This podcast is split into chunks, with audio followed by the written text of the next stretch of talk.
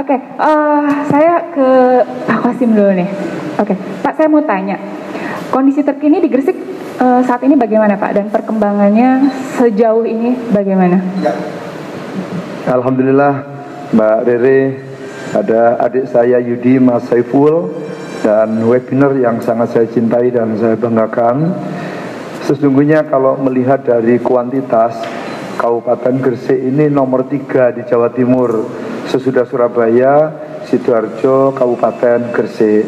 Saat ini yang terpapar positif itu jumlahnya 2.149 orang. Tetapi eh, trennya yang sembuh semakin banyak ya. Yang sembuh sudah kurang lebih 1.500 orang. Jadi hampir 70 persen ya.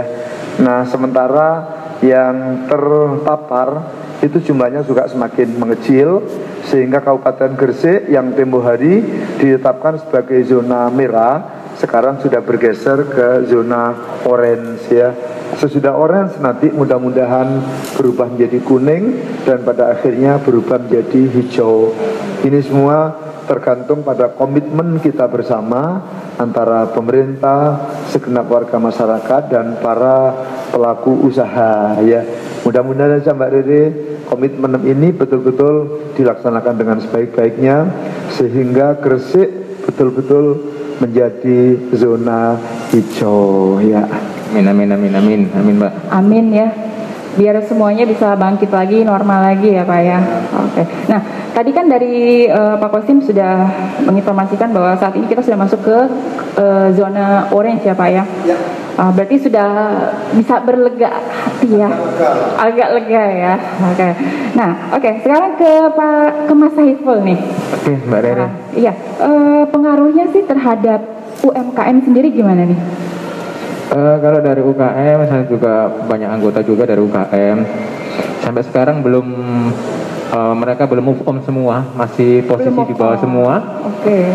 Eh, sekarang mereka cuma menerapkan beli produk teman. Jadi kalau mau bangkit itu masih susah, masih ada eh, pesimis gitu. Sekarang ini masih pesimis. Mungkin modalnya sudah habis teman-teman itu ya. Kita mengharap bantuan juga belum datang. Oh gitu. Bantuannya dari siapa ini? Ya mungkin dari pemerintah. Ah, gitu. Oke, sudah siap katanya. Jadi sekarang memang yang yang masih bisa bertahan cuma untuk survive aja. Jadi yang yang tidak bertahan untuk mau buka kembali itu masih takut. Jadi mungkin menjual melalui online atau melalui grup. Jadi menjual eh, membeli produk teman-teman sendiri. Jadi kita sementara itu untuk bisa membantu sesama pelaku UKM itu aja mungkin. Nah, eh, kalau untuk para eh, anggota U- apa, UKM yang benar-benar mereka sudah tidak bisa bangkit lagi nih ya. Karena kan semua kan perlu makan ya setiap hari. Nah, maksudnya dari UMKM sendiri sebagai satu wadah eh, untuk para pelaku bisnis lokal ada apa nih, Mas? Eh, sementara ini memang kita nggak bisa apa-apa ya mbak ya. Biasanya kalau kita penurunan dari teman-teman anggota itu kita bisa mengadakan suatu kegiatan. Nah, sekarang ini kan kalau mau mengadakan suatu kegiatan nggak bisa gitu loh. Jadi kalau semuanya kan masih dibatasi. Mau mengadakan bazar juga nggak bisa, mau mengadakan pameran juga nggak bisa. Jadi sementara ya kita vakum hanya melalui daring aja sementara ini kalau kita mau pelatihan-pelatihan aja. Untuk penjualan-penjualan kita sudah pasrah ke sosmed aja, memanfaatkan sosmed itu. online aja. Via online itu. Oke. Nah, yang untuk masalah bazar dan pameran yang katanya tidak boleh, eh, kita tahan dulu. Iya, kita nggak bisa. Kita konsultasi langsung dengan Pak Kosim. Oke. Nah, sekarang kita beralih ke Mas Yudi nih. Nah, Mas Yudi, eh, Starbucks ini kan brand terkenal nih ya, internasional nih. Nah, pengaruhnya mulai dari saat eh, PSBB pertama sampai ketiga, kemudian sekarang kita diadaptasi new normal, bagaimana nih Mas? Eh, mungkin lebih eh, new normal ini lebih membantu sekali sih untuk dunia retail apalagi kan eh, masyarakat Gresik juga konsumtif banget Eh, dari mulai PSBB sampai eh, new normal ini eh, lumayan signifikan naiknya Sampai berapa persen tuh kira-kira? kalau aku kalau aku compare dari yang kemarin belum boleh dine in dan lain-lain sekarang udah boleh. Nah itu udah eh, apa namanya udah ada kenaikan yang bagus eh, di Gresik namun eh, kita juga me- harus ngikutin protokol kesehatan kan Iya, betul. pembatasan eh, apa meja kursi kita juga eh, sediain dan itu cuma beberapa aja. Kita juga wajib jaga jarak terus protokol kesehatan di store juga kita sediain mulai eh, termogan checklist sama hand sanitizer sampai cuci tangan di area store Nah, batas eh, suhu yang tidak boleh masuk ke store itu sampai berapa? Ini di 37,5 tetap 37,5 ya. Iya. Oke, kalau di mall itu 37 oh, sudah Oh, kita mohon maaf kita harus- nggak bisa masuk Iya betul sekali. Iya. Oke. Eh, Oke, sekarang kembali lagi nih ke Pak Kosim. Ya, Pak tadi kan Bapak sudah jelaskan ya. Eh, pasien positif dengan yang sembuh itu persentasenya sudah 70 Iya. persen. Hmm. Kan eh, gimana ya Pak ya, orang-orang ini terkadang tuh masih agak suka nakal ya Pak Iya. bandel, tidak disiplin gitu ya. Betul. Mereka tidak berpikir untuk eh, dampak orang-orang di sekitar mereka. Jadi mereka masih bebas ke mana-mana nggak pakai masker, nggak cuci tangan gitu. Nah, dari pemerintah daerah sendiri Pak, kira-kira eh, apa sih yang eh, dilakukan supaya dapat terus menekan angka itu sampai ya mungkin zero? Iya, jadi pemerintah Kabupaten Gresik yang mendapatkan tugas yang sebenarnya cukup berat ya, ada gugus tugas yang langsung diserahkan kepada kepala daerah Pak Bupati, saya ditopang oleh Forkopimda, kepolisian, kodim, kejaksaan. Ini membangun sinergitas yang semakin hari semakin kuat ya.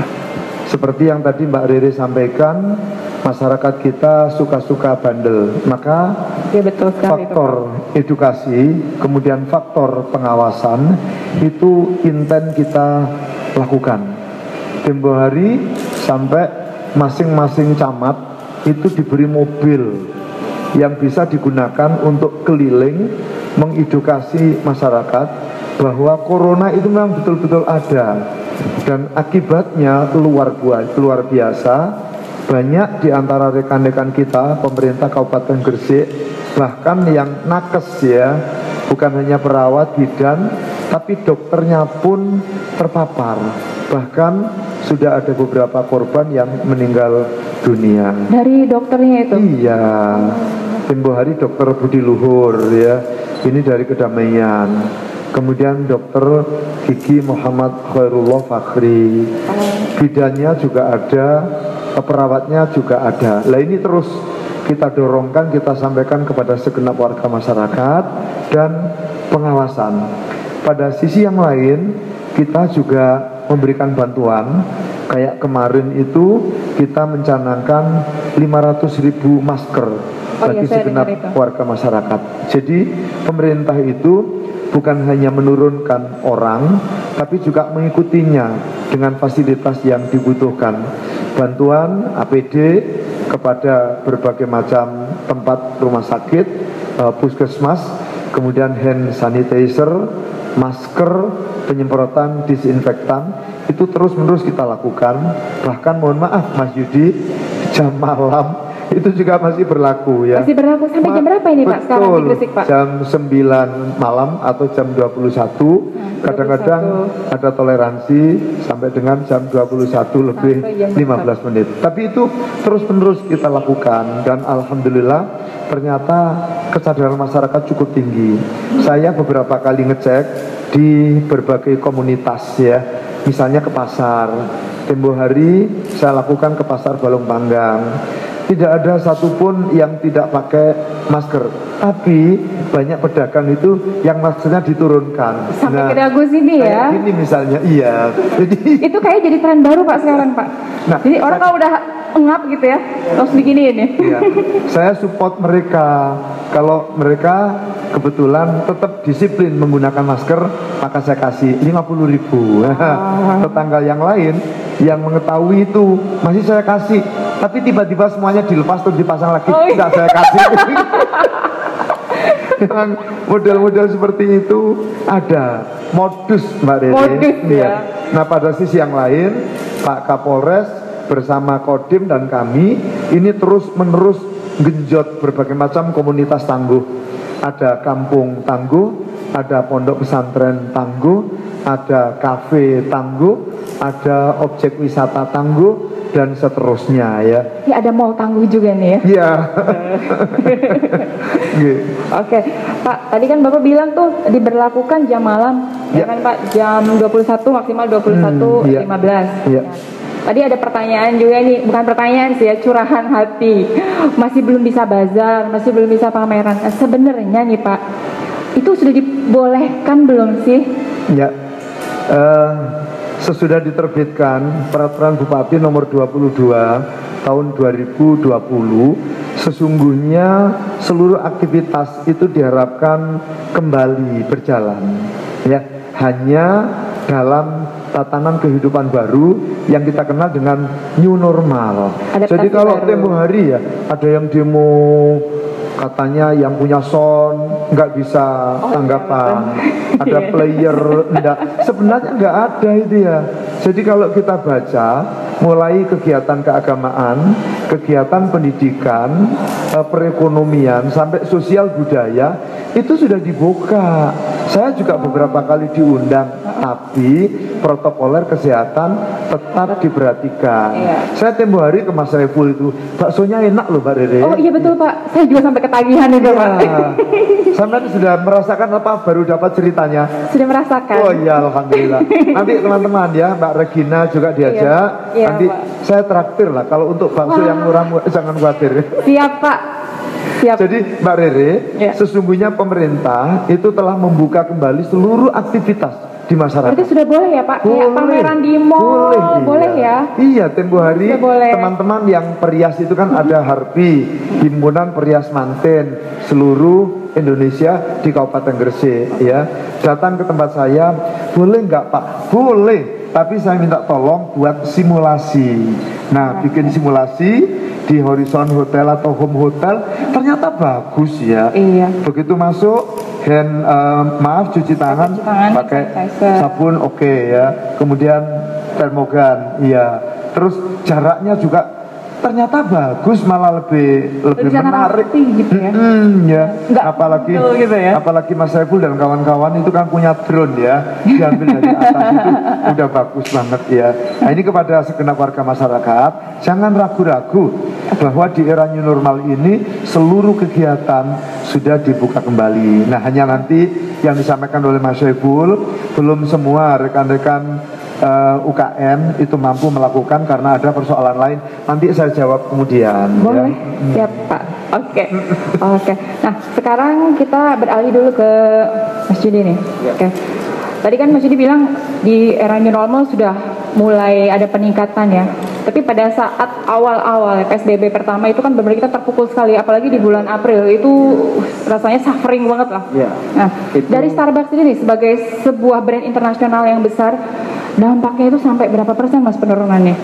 Waduh, kalau ngomongin persentasenya ngeri banget. Eh, saya nggak berani nyebutin di sini ya. Ya, tapi, udah tapi di angka banget. merah gitu ya. Nah, zona merah lah. Hmm, sudah zona merah. Oke. Angka merah, oke. Eh, itu kendalanya juga kita kan eh, serentak waktu itu kan eh, take away only, jadi nggak Iya. boleh dine in. Jadi benar-benar kita harus take out kursi eh, yang bisa ngelayani cuma take away aja. Nah itu benar-benar challenge banget buat kita gitu. Challenging banget ya. Nah, eh, berarti begini, kesimpulannya di era PSBB kemarin itu kita dilatih untuk berpikir kreatif ya. Yes. Gimana caranya Yes. dengan kondisi seperti ini sales tetap jalan. Yes. Nah, salah satunya apa nih dari Starbucks? Apa ya? Salah satunya apa dari Starbucks nih? Eh, mungkin kita juga ini sih kita kan sebenarnya waktu itu kan eh, didesak untuk mau nggak mau ikutin nih peraturan eh, apa peraturan daerah. Iya, betul. Eh, sama Surabaya juga sama ikut peraturan Iya. daerah mulai eh, nyiapin gimana nanti setelah ini mau ada apa lagi. Nah itu udah kita persiapin dari jauh-jauh hari. Bahkan eh, udah trial di beberapa store di Surabaya itu yang mau pakai pembatas dan lain-lain. Nah cuman kalau di Gresik ternyata kemarin pas new normal kita mau pakai pembatas ternyata nggak perlu Eh, apa namanya kita cukup merenggangkan kursi aja ngasih jarak kursi itu udah cukup Eh, Sudah cukup Ah, ya. sudah cukup Sudah cukup. sama kita juga kencengin di protokol eh, checklist itu aja sih Oh, Oke, baik. Tapi yang penting sekarang semuanya sudah mulai membaik ya. udah udah udah kembali Semoga terus begitu ya Pak ya. Oke, Oh, oke Pak eh, kembali lagi ke Pak Kosim nih Pak. Tadi kan dari teman-teman retail sudah menyebutkan ada penurunan ya mulai dari PSBB pertama, ketiga sampai new normal. Nah awal-awal dari eh, pandemik ini sendiri Pak di Gresik. Ya.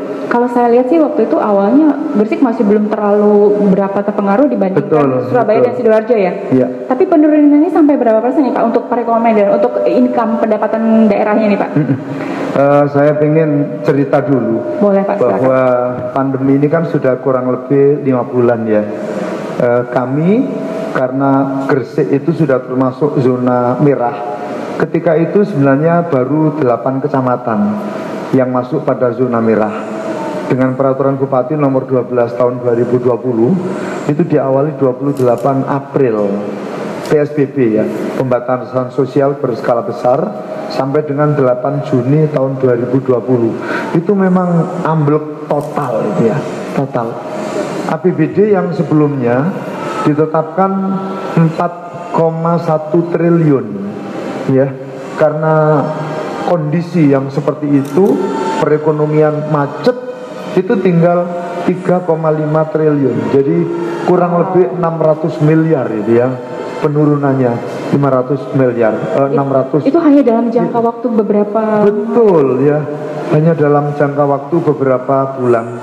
Nah, alhamdulillah sejak 9 Juni tahun 2020 dengan new normal atau masa transisi normal dengan peraturan Bupati nomor 22 tahun 2020 ini sudah mulai bangkit kembali, tapi masih belum terasa ya.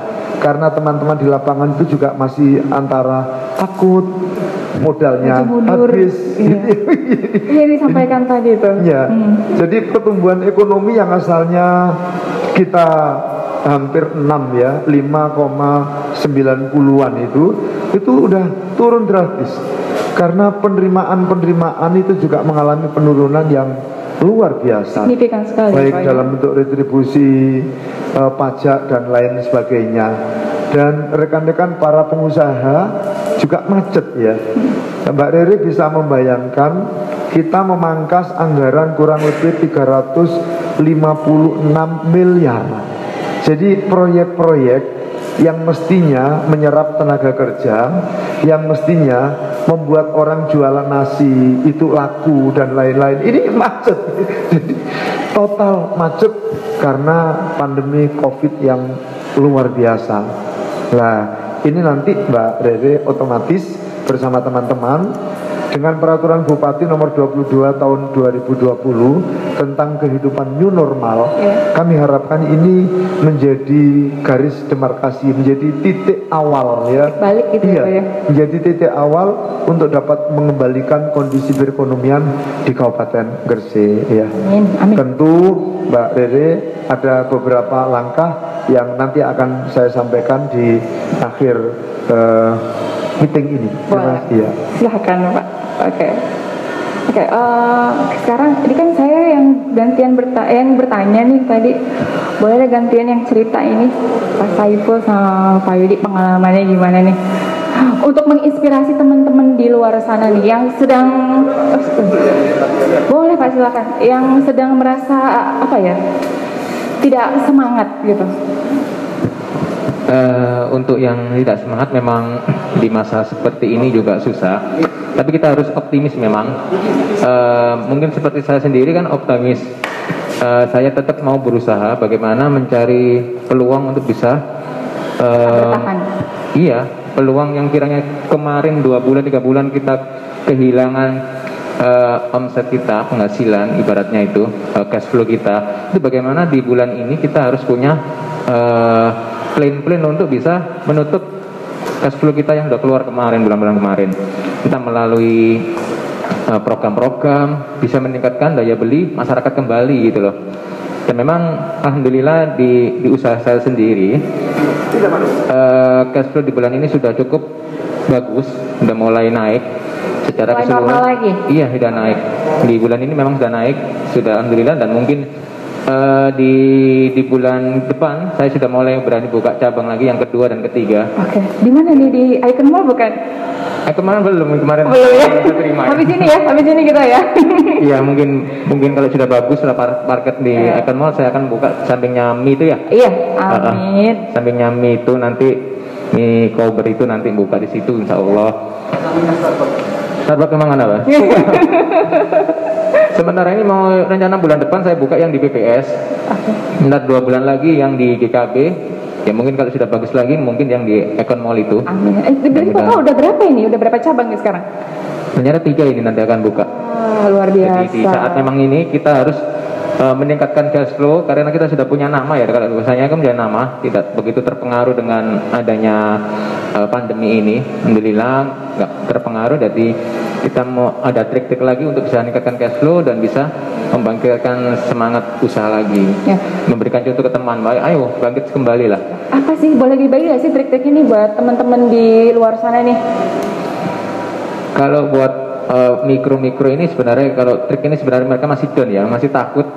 Masih sudah dikasih saya di, di grup itu sudah selalu saya kasih apa motivasi motivasi tapi mereka tuh masih masih vakum juga masih belum berani untuk mau naik kembali karena memang sekarang ini kan kayak fasilitas pendidikan yang biasanya eh, di kantin jualan itu Oh, iya, betul. masih tutup mau di luar mau jualan dia nggak punya tempat modalnya juga nggak ada itu masih nggak berani jadi dia cuma masih bertahan dulu terus yang bisanya pasarnya ke perusahaan sekarang karyawan banyak yang berkurang jadi agak menurun semua dari mereka tuh sudah takut sendiri gitu loh Jadi itu seperti paranoid gitu bukan sih Pak? iya seperti paranoid pak ya Iya, iya, iya.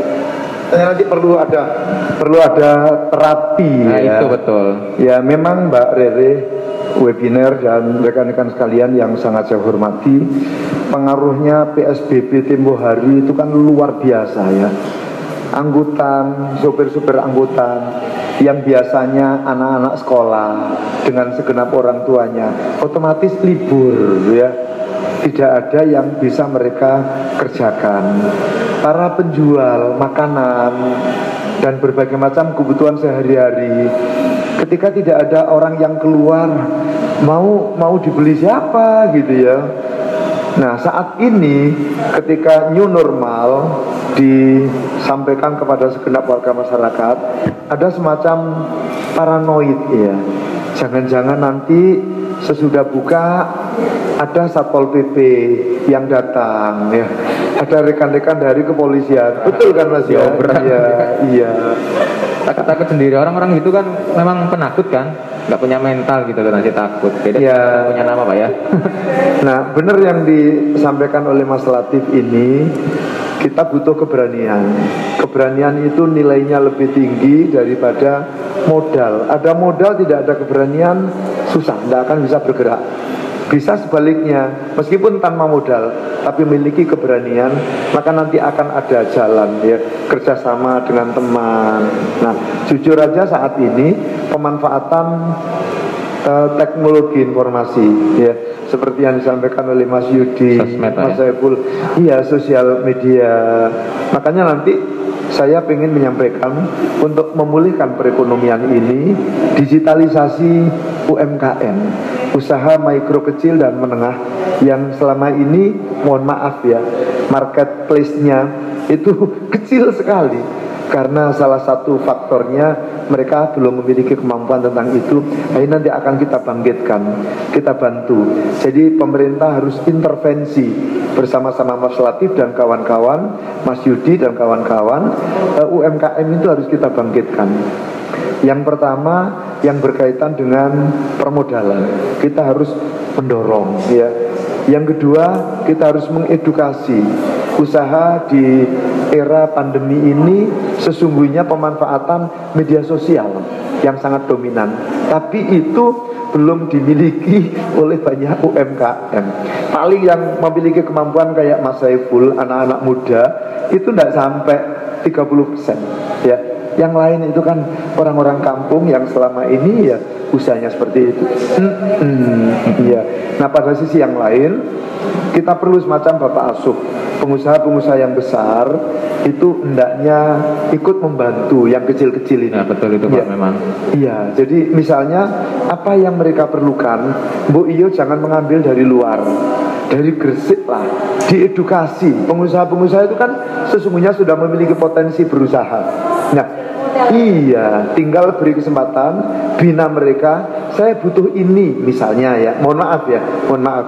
Misalnya makanan untuk makan siang, untuk makan malam. Ya itu dimanfaatkan oleh orang-orang seperti Mas Latif ini. Tidak harus mencari catering yang di luar, di Surabaya dan lain-lain. Saya kira itu akan bisa membantu menumbuhkan suasana yang ada di Kabupaten Gresik. Ya. Tapi sebenarnya memang di masa seperti ini memang eh, bagus Pak ya. Biasanya orang itu kan jualan-jualan, dikasih pelatihan, kasih sosmed itu nggak mau. Jualan-jualan. Keberung ada pandemi corona ini, mereka lebih banyak waktu di rumah. Ya. Kalau ada pelatihan, terus dia bisa sekarang ikut memantau, jadi ikut mulai. Jadi mindsetnya mereka sudah berubah sekarang. Iya. Jadi sekarang memang kalau mau jualan kan nggak bisa Pak. Jadi sekarang dia hanya berusaha untuk ikut pelatihan melalui daring itu Pak ya, daring.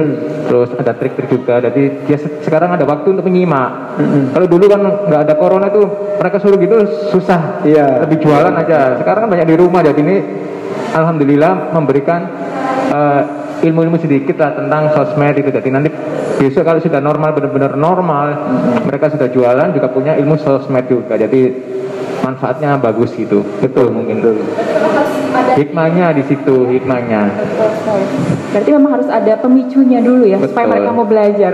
Mm-mm. Eh, Oke, Pak tadi yang Bapak sampaikan tuh digitalisasi, itu menarik sekali Pak. Apakah itu salah satu langkah dari pemerintah daerah untuk membangkitkan eh, perekonomian? Ya, jadi pemerintah daerah dalam mengembalikan kondisi ekonomi ya, kalau bahasanya pemulihan ekonomi nasional, kalau di Jakarta, Iya, betul. kalau di sini mungkin Daerah. pemulihan ekonomi daerah. Kata kuncinya yang pertama, Peraturan Bupati nomor 22 tahun 2020 yang telah membuka kembali seluruh kegiatan perekonomian di tengah-tengah masyarakat itu kata kuncinya. Dan ini masih banyak yang belum dipahami oleh adik-adik kita, oleh saudara-saudara kita di masyarakat sehingga mereka masih enggan berusaha. Yang kedua, kita mengedukasi mereka dalam tatanan kehidupan baru yang new normal ini seperti yang disampaikan oleh Mas Latif tadi sebenarnya kesempatan untuk belajar memanfaatkan media sosial untuk mengantarkan mereka memperoleh kesempatan baru jadi melalui digitalisasi UMKM nanti dinas eh, koperasi perindustrian dan perdagangan saya minta untuk mengundang mereka ya Menarik sekali. Iya, untuk mengundang mereka supaya nanti kita akan membantu. Yang pertama, kita membebaskan retribusi bagi pedagang kaki lima dan rekan-rekan UMKM. Itu nilainya hampir 700 juta. Wah, ya, yang kita berikan. tinggi. Iya, ya lumayan. Pada sisi yang lain, kita membantu permodalan masing-masing kelompok usaha bersama antara 10 sampai 15 juta tergantung usaha yang dilakukan itu kalau perlu modal yang agak tinggi 15 ya Nah itu syaratnya gimana Pak supaya bisa mendapatkan modal itu Pak? ya warga masyarakat kan ada kelompok usaha bersama. Jadi yang kita bantu ini bukan perorangan, tapi mereka sebuah kelompok. Nanti Mas Latif ini yang tahu kan di Kabupaten Gresik ini ada kelompok-kelompok yang kopi, ada yang kopia, ada yang rotan dan lain-lain. Kemudian ada kopuan-kopuan di setiap masyarakat ya, ada bumdes. Nah itu kita bantu.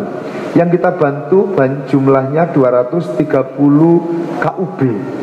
Kalau kali 15, maka dana yang kami keluarkan itu 3,5 miliar. Agar dana yang kita kucurkan itu nanti efektif ya untuk mengantarkan kebangkitan mereka kembali, maka perlu tadi edukasi.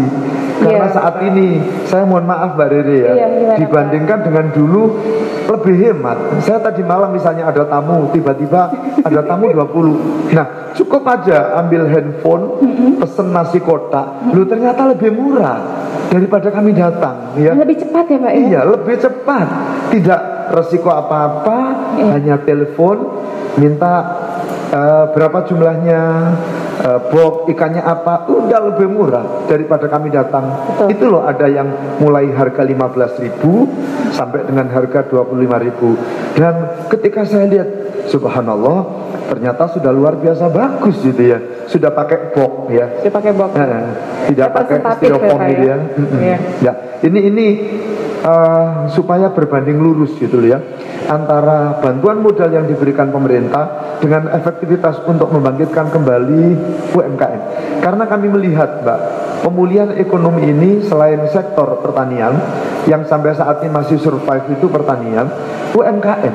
Nah, Kabupaten Gresik ini ada kurang lebih 160 ribu Iya. Banyak juga Usaha ya. mikro kecil dan menengah. Iya.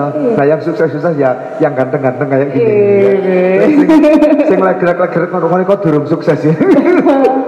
Oh iya, di sini ada ini loh audiensnya loh di sini ya. Jadi yang pertama itu penguatan eh, ketahanan pangan ya. Betul. Seperti program nasional jangan sampai ada di antara masyarakat kita yang starting stunting akibat Stunting. kekurangan gizi, Gizi, ya. betul. Ini yang pertama. Berarti para petani itu harus kita edukasi supaya terus berproduksi dan kita akan bantu marketingnya. Karena yang paling lemah itu pemasarannya. Sampai saat ini yang terjadi ketika panen harga produknya murah. Iya, betul sekali. Kenapa? Karena marketingnya belum tertata dengan sebaik-baiknya. Nah ini pemerintah harus hadir untuk memberikan edukasi kepada segenap warga masyarakat supaya para petani itu bangga dengan profesinya dan penghasilan yang mereka peroleh itu akan semakin tinggi. Otomatis nanti akan kita sambungkan dengan rekan-rekan UMKM itu ya supaya eh, perputaran uang itu tidak sampai ke mana-mana bisa dimanfaatkan oleh warga masyarakat Gresik ya. Nah, Pak, eh, ini saya agak kepo ini, Pak. Tadi kan Bapak bilang kan ada apa? Salah satu langkah dari pemerintah daerah itu meminjamkan modal melalui koperasi ya, betul kan? Syaratnya itu apa, Pak? Tadi lupa belum dijawab. Syaratnya apa dan cara pengembaliannya itu bagaimana? Dan apabila nih, sampai terjadi misalnya mereka usahanya macet nih, terus mereka tidak bisa mengembalikan modal itu bagaimana? Eh, bantuan modal itu ada yang dalam bentuk hibah ya mbak ya Eh, eh. ada yang dalam bentuk pinjaman kalau yang dalam bentuk pinjaman itu dipastikan yang bersangkutan tidak akan memberikan bunga sebelum kurang lebih enam bulan usahanya berhasil jadi untuk menutup kesempatan bank-bank tidil rentenir yang menjerat pengusaha-pengusaha kecil maka pemerintah hadir memberikan pinjaman lunak ya pinjaman lunak.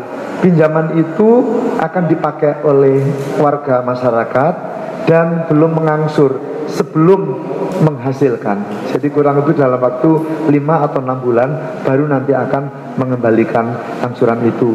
Nah siapa kira-kira mereka yang dapat yang memperoleh kesempatan? Ya mereka yang telah betul-betul berusaha. Di Diskoperindak itu mbak itu sudah ada daftarnya. Pengusaha-pengusaha mikro kecil menengah yang ada di Kabupaten Gresik paguyubannya juga termasuk nih Mas Latif berarti ya, Mas Pak ya? iya itu sudah punya sudah punya daftarnya bahkan di sana juga ada rapotnya ya sama dengan para kontraktor itu di Pemkab Gresik itu ada rapornya mana kontraktor yang rapornya nilainya bagus mana kontraktor yang rapornya nilainya merah nah itu ada otomatis yang mendapat kesempatan adalah mereka yang rapornya nilainya hijau Hijau. Nah, berarti itu amanah prioritas utama. Betul, iya. Oke. Pencerahan ini Pak. Mm-mm. Iya. Langkah yang cukup mulia ya kalau saya bilang ya. Karena ya saat ini semua orang udah benar-benar membutuhkan lah Pak. Ya, memang harus begitu Mbak Rere, karena tugas pemerintah itu nomor satu melindungi segenap bangsa dan seluruh tumpah darah, memajukan kesejahteraan umum, mencerdaskan kehidupan bangsa, dan ikut melaksanakan ketertiban dunia. Memajukan kesejahteraan umum itu kewajiban pemerintah, bahkan fakir miskin dan anak-anak yang terlantar itu menjadi tanggung jawab negara.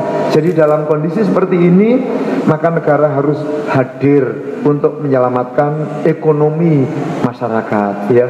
Saya senang nanti suatu saat Mas Latif dan kawan-kawan mengumpulkan UMKM gitu ya.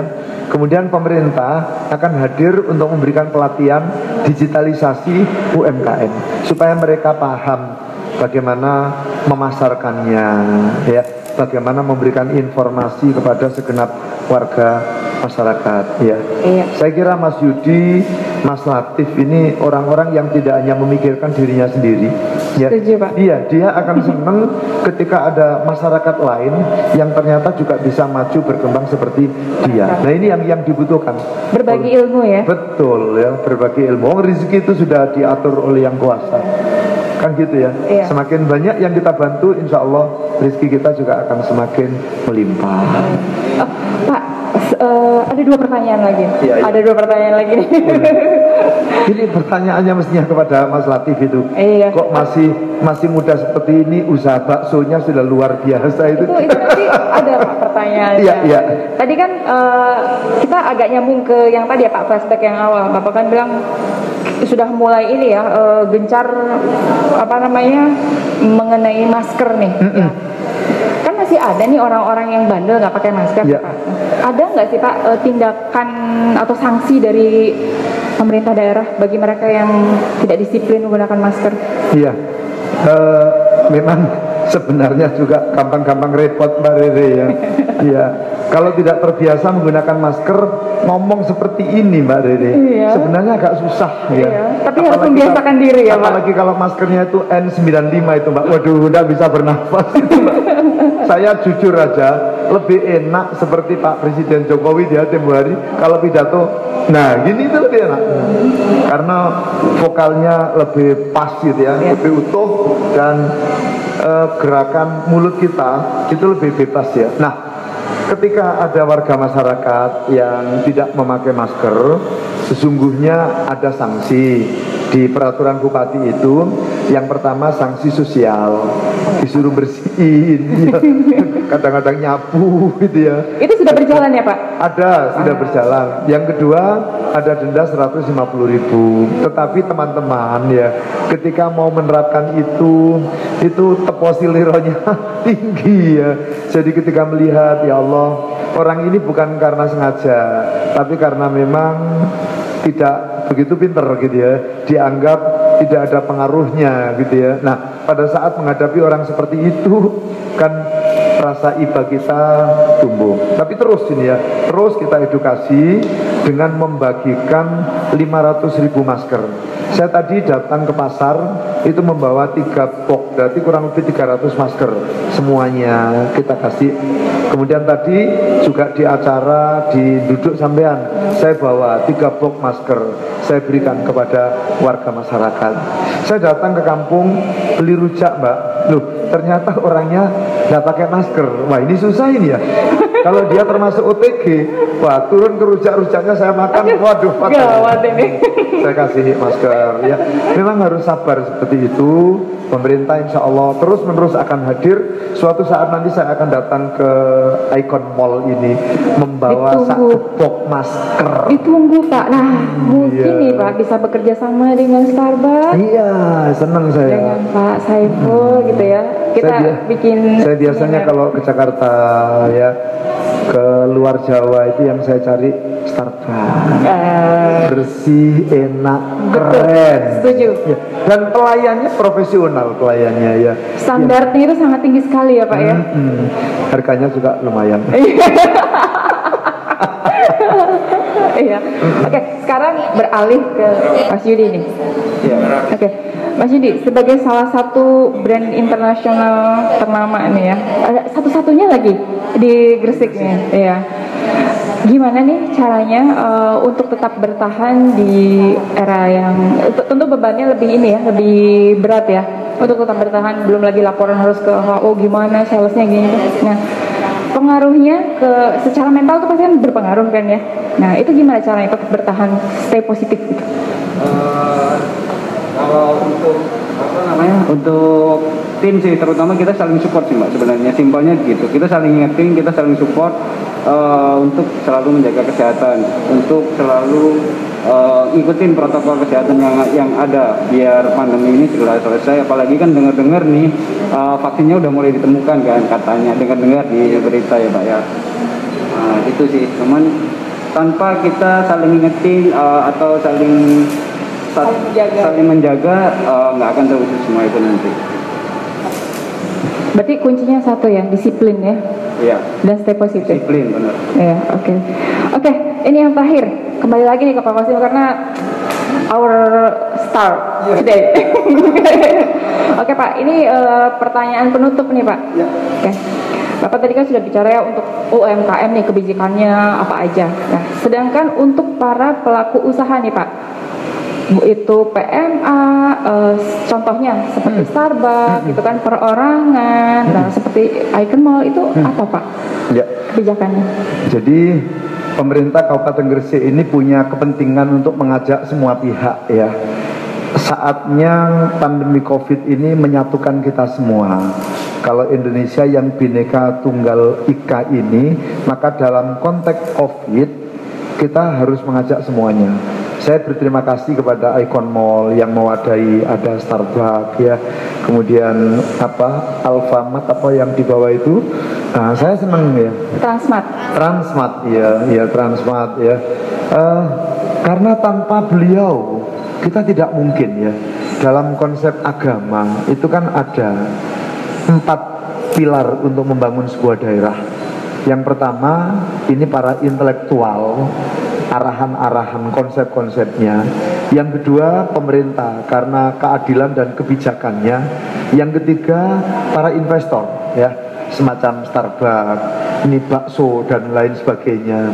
Itu dan kemudian kepedulian segenap warga masyarakat. Nah, dalam konteks untuk memulihkan ekonomi Kabupaten Gresik, maka saya butuh semuanya, terutama para investor ya. Starbucks ini memiliki dana. Saya berharap nanti juga bisa memberikan edukasi kepada adik-adik UMKM yang ada di bawahnya. Tempo hari kami undang berbagai perusahaan besar, ada Petro ya, kemudian ada Mas Pion, ada semen yang ada di sini, kemudian eh, Agrido, ini semuanya kita kita undang, kita ajak diskusi bersama untuk membicarakan pemulihan ekonomi yang ada di Kabupaten Gresik. Ya, pemerintah akan memberikan fasilitas dalam bentuk regulasi, ya apa yang diperlukan. Tetapi secara garis besar saat ini stressingnya adalah pembinaan para petani untuk penguatan ketahanan pangan. Karena kebutuhan dasar manusia itu sandang pangan, papan ya. Ini ini yang pertama. Dan sampai saat ini di pandemi Covid, pertanian itu yang termasuk survive mereka tetap dapat melaksanakan kegiatan penanaman hanya tempo hari ada hama tikus gitu ya yang insya Allah sudah bisa dikendalikan oleh rekan-rekan dari dinas pertanian. Yang kedua UMKM jadi UMKM ini memiliki potensi yang luar biasa.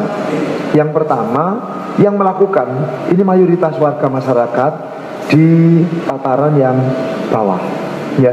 Yang kedua jumlah mereka yang begitu banyak ketika diberdayakan saya mohon maaf ya misalnya 156 ribu lah kalau sehari memperoleh keuntungan 10 ribu aja sudah berapa miliar yang bisa diterima oleh kita semuanya nah apalagi kalau kita bina dengan baik digitalisasi kita laksanakan keuntungan mereka ada peningkatan ya seperti Mas Latif ini udah jangan ditanya keuntungannya banyak banget itu Oh iya itu saya sudah tahu itu Ya, Pak. iya. Kemarin sempat cerita itu. ini kan ilmunya perlu disampaikan kepada yang lain ya. Nah, ketika nanti yang lain itu juga memperoleh wawasan seperti itu, maka insya Allah mereka termotivasi. Oh ternyata Mas Latif bisa, kenapa saya tidak bisa? Nah ini yang yang saya anggap penting, karena kalau hanya pemerintah yang ngecopros ya, tidak punya pengalaman, itu kadang-kadang juga tidak begitu didengar. Tapi kalau pelakunya yang melakukan, itu lebih bagus. Maka kami akan merangkul mereka semuanya, semakin intens, dan kita ajak untuk mengembalikan kondisi ekonomi Kabupaten Gresik. Jadi rohnya yang pertama pertanian, ini harus kita bina, kita edukasi dan kita bentuk. Yang kedua UMKM. Ini kita edukasi, kita support dananya, kemudian kita bantu marketingnya. Kalau di Kabupaten Gresik ini sampai saat ini memang sentra-sentra UMKM itu belum ada. Saya harapkan nanti ke depan kita memiliki sentra di iya Pucasera di wilayah Gresik Tengah, di wilayah Gresik Selatan, di wilayah Gresik Utara dan lain sebagainya. Dan itu dikendalikan dengan konsep digitalisasi UMKM. Insya Allah nanti yang ada di Gresik itu akan dikenal secara nasional dan mereka nanti akan order ke Gresik banyak sekali.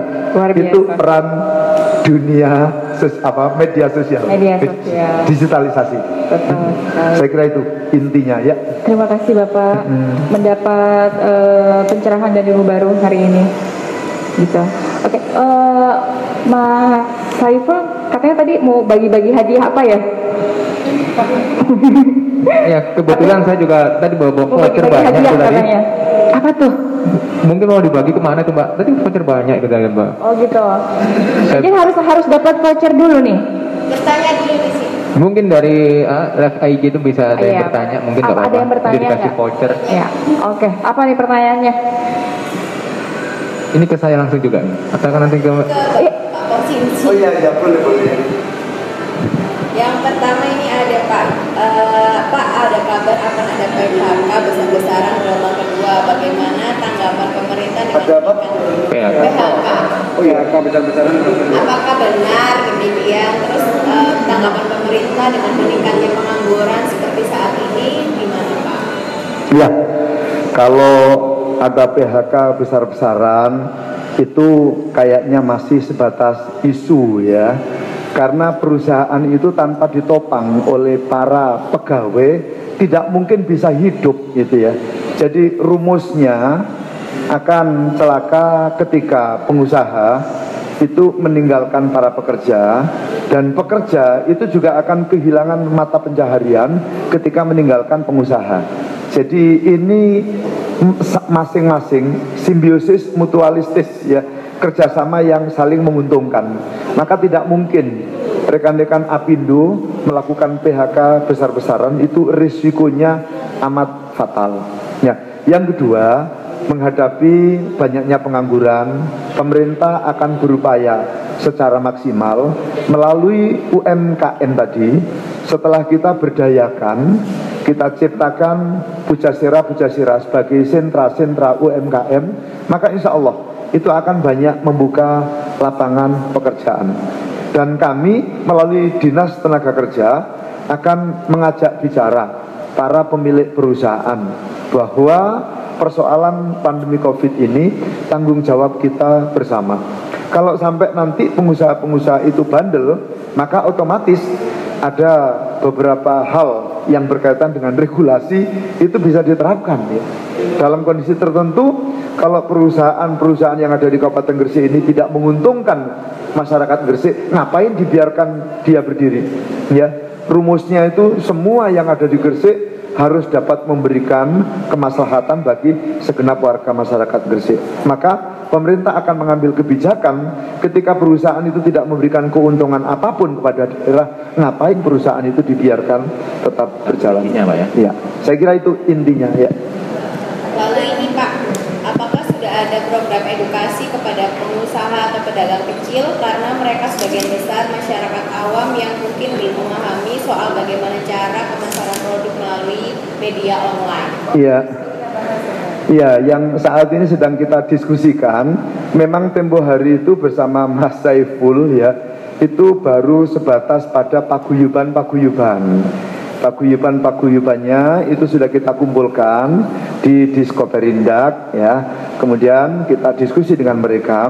Tapi ke depannya nanti melalui paguyuban-paguyuban itu akan kita edukasi ya sehingga program digitalisasi UMKM itu betul-betul nanti secara bertahap dapat dirasakan hasilnya oleh warga masyarakat. Mungkin Mas Latif bisa tambah juga di tiap-tiap komunitas sekarang juga banyak. Sekarang banyak program-program juga pelatihan eh, workshop juga melalui dari melalui zoom.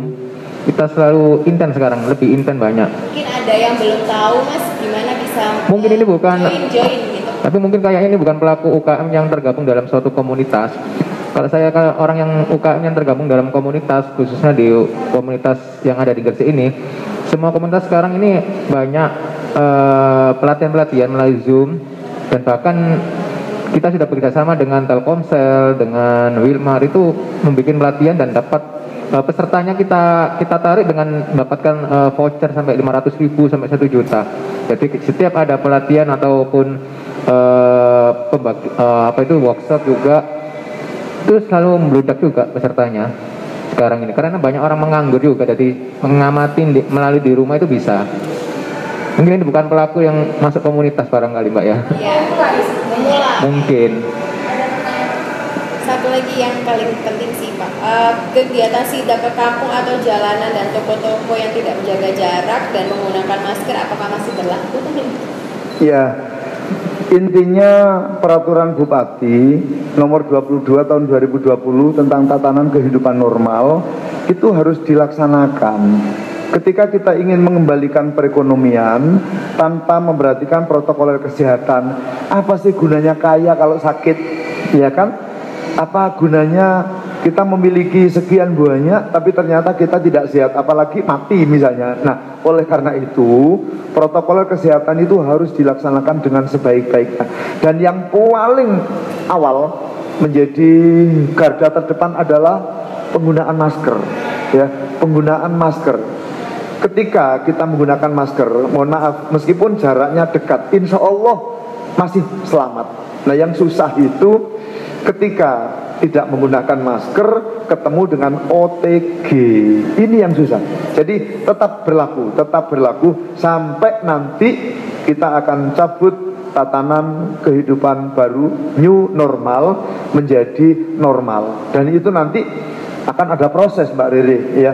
Karena yang menetapkan ini zona hitam, zona merah sampai dengan zona hijau itu ada di pusat.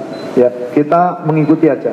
Nah, saat ini Kabupaten Gresik alhamdulillah sudah zona orange, orange, tapi tidak berarti kita lebih bebas. Jadi beberapa hal kegiatan yang saya ikuti dengan masyarakat memang paling susah itu menjaga jarak ya. Misalnya gowes bareng, Mbak. Gowes bareng. Aduh, luar biasa ya. E, demikian juga yang ada di pasar. Yang paling susah memang menjaga jarak. Karena ketika orang itu membeli, kalau pembelinya satu, berarti kan satu-satu. Tapi kalau pembelinya gerombolan, sepuluh misalnya, Wah, ini kan iya. Nah, nah ini, ini yang yang agak susah. Tapi kita terus, pemerintah tidak akan pernah bosan untuk melihat melibatkan polisi, melibatkan satpol pp untuk ikut membantu mengawasi masyarakat. Karena keselamatan rakyat itu tanggung jawab pemerintah dan kita semua. Ya, saya kira begitu kepada rekan-rekan para pengusaha UMKM, saya mohon melalui komunitasnya, melalui paguyuban-paguyubannya, hendaknya melakukan komunikasi. Pemerintah ingin supaya marketplace ya itu nanti bisa lebih lebih meluas, tidak hanya kelompok-kelompok tertentu. Dan itu harus kita bantu. Kita nanti juga akan mengundang pihak-pihak tertentu yang berkaitan dengan itu. Rekan-rekan ojol ya. Rekan-rekan para pengusaha dari Cina dan lain sebagainya. Itu nanti akan kita minta bantuan supaya UMKM di Kabupaten Gresik ini bisa tumbuh berkembang terutama melalui marketingnya. Dan saat ini yang sangat efektif adalah menggunakan sosmed Ya kalau sosmed tidak dipahami, maka mereka juga akan tetap seperti dulu. Ini Mas Yudi siap ya bantu ya. Mas Latif siap. Jadi jangan kaya sendirian, susah nanti ya. Kita harus kaya bersama-sama yang lain. Terima kasih Mbak Rere ya. Oke, terakhir nih Pak penutup ya dari Mas Latif, Mas Yudi, kan Pak Kosim tadi sudah mungkin ada yang mau disampaikan untuk penutup. Sebenarnya dari tadi sudah penyampaian ya ke UKM itu ya ke, ke warga masyarakat Gersus khususnya. Jadi memang kita nggak boleh down sekarang. Kita sudah mulai merubah mindset kita. Ayo kita tumbuh kembali. Mental kita perbaiki lagi bahwa kita nggak boleh pesimis. Kita tetap maju. Selalu ngikutin uh, mencari ilmu bagaimana di saat kondisi seperti ini kita uh, berani kuat untuk memulai usaha lagi hilangkan keraguan bahwa kita akan gagal itu belakangan. Yang penting kita mencoba kembali dulu, mencari solusi dan mencari peluang. Itu lebih baik daripada kita nanti uh, di rumah tetap kepikiran ketakutan, ketakutan tidak menyelesaikan masalah. Jadi, ayo kita rubah mental kita, optimis, dicoba dulu, hasil belakangan. Itu saya rasa masukan buat pelaku UKM. Setuju. Oke. Dari Mas Yudi? Mungkin kalau dari saya lebih ke kondisi sekarang ya Mbak ya. Eh, kita ngikutin eh, apa peraturan Pak Gubernur dan peraturan pemerintah eh, tentang protokol kesehatan. Eh, harus pakai masker ke mana pun kita pergi pakai masker. Apalagi mal-mal udah eh, di Indonesia terutama kan normal Mbak. Hampir normal banget kan bukanya sampai tutupnya kan hampir normal banget. Tetap jaga jarak, tetap ikutin protokol kesehatan, pakai hand sanitizer dan eh, pakai masker di mana pun kalian berada. Itu aja sih. Ya. Oke, oke. Terima kasih buat narasumber saya yang luar biasa hari ini, Pak Kosim. Thank you banget. What a pleasure. Nah, untuk sahabat Icon, sampai di sini dulu sesi kita. Jangan lupa selalu pakai masker. Aku jaga